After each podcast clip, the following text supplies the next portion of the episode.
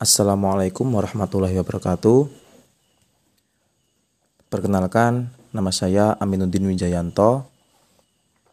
NIM 17108840017 dari prodi PGSD semester 5 Universitas Islam Balitar. Baik, di sini saya akan mengulas sedikit dari buku Manajemen Humas Sekolah bab ketiga Ruang lingkup manajemen humas pendidikan. Baik, langsung saja ke materi.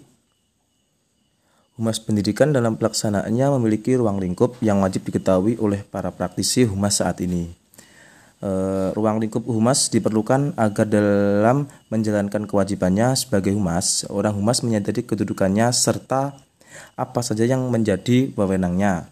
Karena tak semua hal menjadi wewenang dari humas, tapi ada pihak lain juga yang terlibat. Jangan sampai ada pihak yang merasa terlangkai oleh langkah seorang humas dalam menjalani ruang lingkup humas.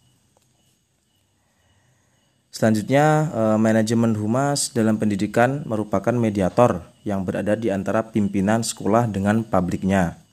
Selanjutnya, ia mengatakan bahwa aktivitas tugas humas adalah mengelola komunikasi antara organisasi dengan publiknya jadi eh, dapat diketa, dapat dikatakan bahwa humas adalah aktivitas yang menghubungkan antara organisasi dengan masyarakat atau publik demi tercapainya tujuan organisasi dan harapan masyarakat dengan produk yang dihasilkan.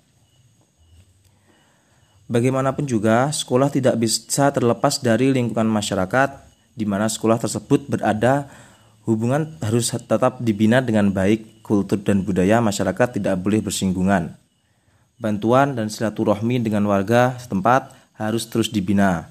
Sumbangan dan santunan bagi masyarakat sekitar yang kurang mampu, adanya musibah, kematian dan kegiatan-kegiatan sosial lainnya terus dibina sesuai dengan kemampuan yang dimiliki oleh sekolah. E, kerjasama dengan tokoh-tokoh masyarakat, RT, RW, kepala kelurahan, sangat diperlukan dan ditingkatkan lagi karena dengan kerjasama yang baik dan saling pengertian, maka akan terciptanya kondisi yang tertib, keamanan terjaga, dan situasi selalu kondusif. Karena masyarakat merasa ikut memiliki dan peduli dengan keberadaan sekolah tersebut. Kemudian, eh, adapun ruang lingkup tugas humas dalam sebuah organisasi atau lembaga antara lain meliputi aktivitas sebagai berikut yang pertama, membina hubungan keluar atau publik eksternal. Yang dimaksud publik eksternal yaitu publik umum atau masyarakat, mengusahakan tumbuhnya sikap e, dan gambaran publik yang positif terhadap lembaga yang diwakilinya. Hubungan masyarakat keluar atau humas eksternal turut menentukan keberhasilan kegiatan hubungan kemasyarakatan suatu badan atau lembaga. Baik, yang kedua yaitu membina hubungan ke dalam atau publik internal. Yang dimaksud dengan publik internal yaitu publik yang menjadi bagian dari unit atau badan atau perusahaan atau organisasi itu sendiri. Tujuan hubungan masyarakat ke dalam ialah pada hakikatnya untuk meningkatkan kegairahan bekerja para guru, tenaga akademik, karyawan lembaga atau instansi yang bersangkutan. Baik, untuk kemudian yaitu ruang lingkup bidang kerja humas di sekolah ini adalah dapat dikelompokkan dalam beberapa bidang yang meliputi yang pertama, koordinasi dengan kepala sekolah dan unsur pimpinan lainnya. Yang kedua, kerjasama dengan BP atau BK dalam menangani masalah kemampuan, minat, dan kekeluargaan. Yang ketiga, yaitu kerjasama dengan warga sekolah. Yang keempat, kerjasama dengan tokoh masyarakat.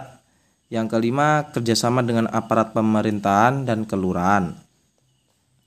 Yang keenam, menjalin silaturahmi antar alumni. Yang ketujuh, kerjasama dengan perguruan tinggi tentang kemajuan pendidikan yang kedelapan, mengembangkan persaudaraan dengan lingkungan yang harmonis. Yang kesembilan, menjalin kerjasama dengan kantin sekolah, pengurus OSIS tentang kebersihan lingkungan. Baik, itu tadi ulasan dari saya, ulasan singkat saja mengenai buku Manajemen Humas bab ruang lingkup manajemen humas pendidikan. Saya akhiri